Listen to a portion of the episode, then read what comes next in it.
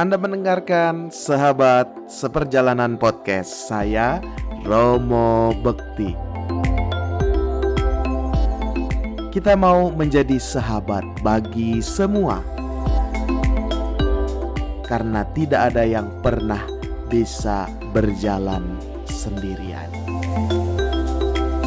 Selamat mendengarkan, semoga kita selalu sukacita karena dalam Tuhan selalu ada sukacita.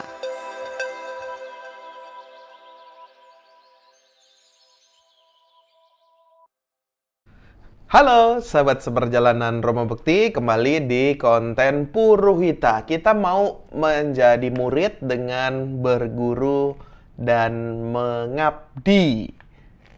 Sadar nggak sih sekarang ini ketika pandemi eh, sudah hampir di ujung ya, virus sudah mu dapat dikendalikan, bukan mudah dikendalikan, tapi dapat terkendali lah setidaknya.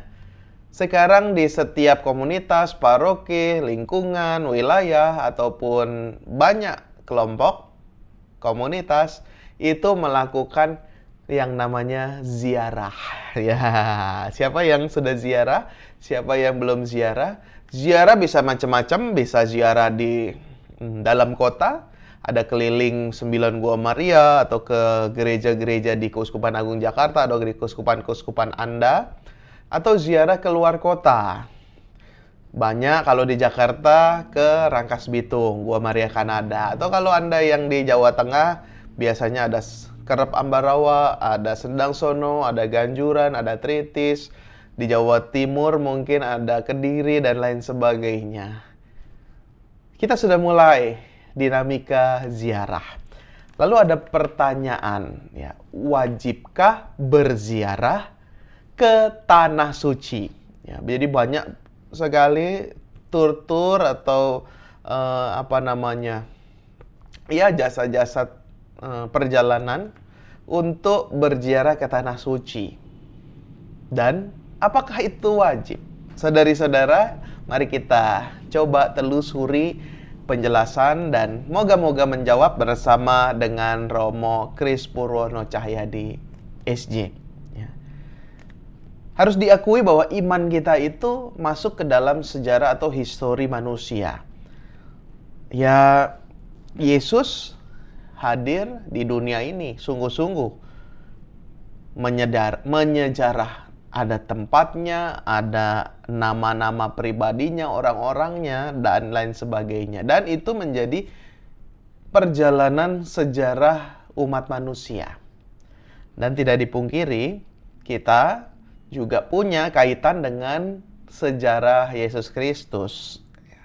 Tidak bisa dilepaskan di Timur Tengah ya atau kita biasanya sebut tanah suci atau ya di Israel sekarang ini ya Yerusalem. Nah, itu kan tempat di mana Yesus dikisahkan dalam bacaan-bacaan Injil hidup, berkarya, mengajar, bahkan juga wafat dan bangkit di tempat itu. Jadi memang dipung tidak dipungkiri bahwa ada tempat yang sejarah, ada tempat yang menjadi uh, lokasi di mana Yesus itu hadir ke dunia. Kenapa disebut tanah suci? Ya karena Yesus berkarya dan uh, mewartakan di tempat itu. Dia mengajar, memiliki murid, mengadakan mujizat di tempat itu. Maka disebut dengan tanah suci karena kedekatannya atau apa ya? Ya secara geografis ya di sanalah Yesus melakukan dan menyebarkan karya sukacitanya. Ya.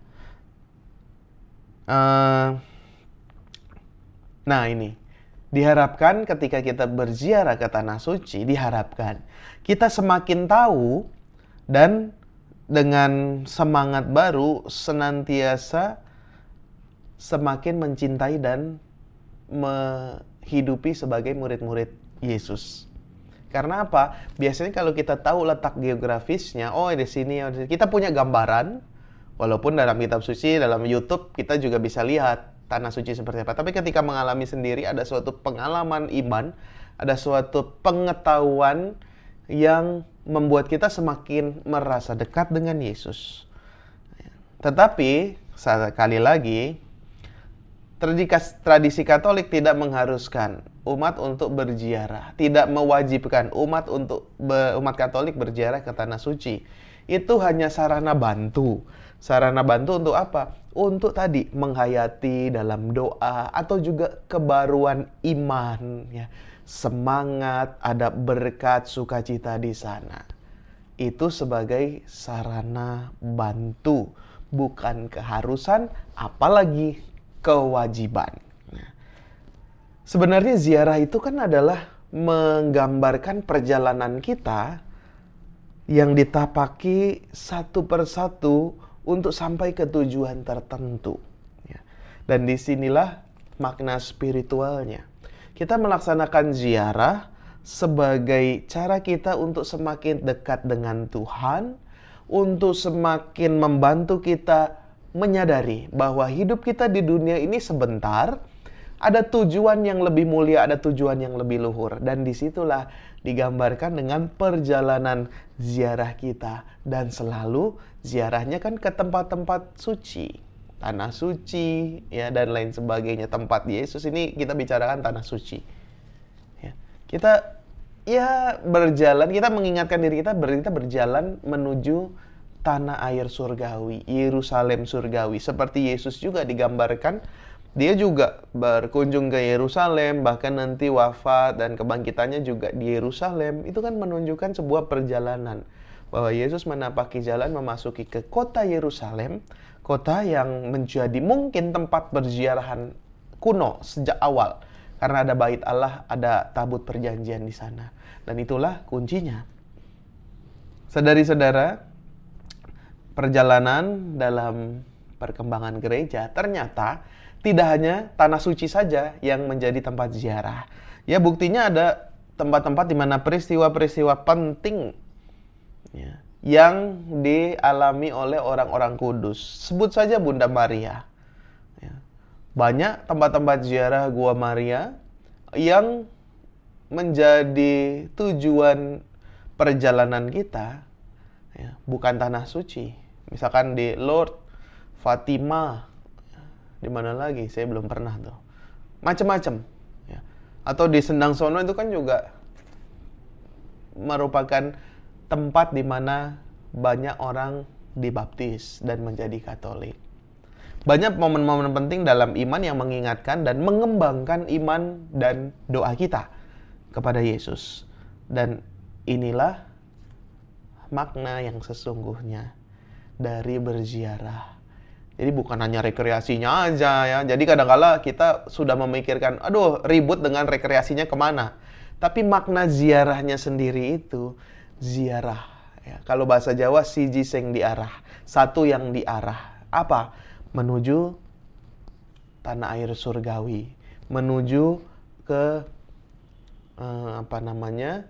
Tanah terjanji ke surga. Kehidupan kita di dunia ini kita jalani setapak demi setapak untuk sampai sampai akhirnya nanti dalam kerajaan Allah.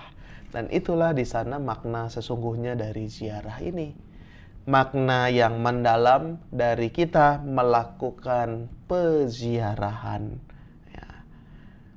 So inilah fungsinya ziarah. Tapi sekali lagi ini tidak diwajibkan. Ziarah menjadi sarana bantu kita untuk mengenal secara geografis lingkungan kondisinya sehingga kita dapat membayangkan lebih real. Ya.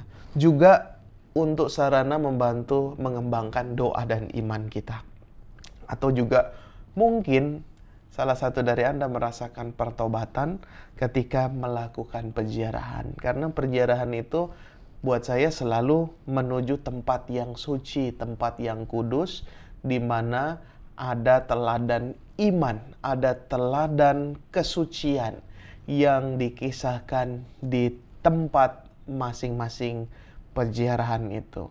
Ya, maka tidak tergantung kita pergi ke mana, pergi ke mana, ke sana, kemiri. Yang penting yang diharapkan adalah menumbuhkan iman. Ya, semoga kita semua yang sedang sering melakukan ziarah ini semakin dapat menghayati, semakin dapat merenungkan arti dari perjalanan ini.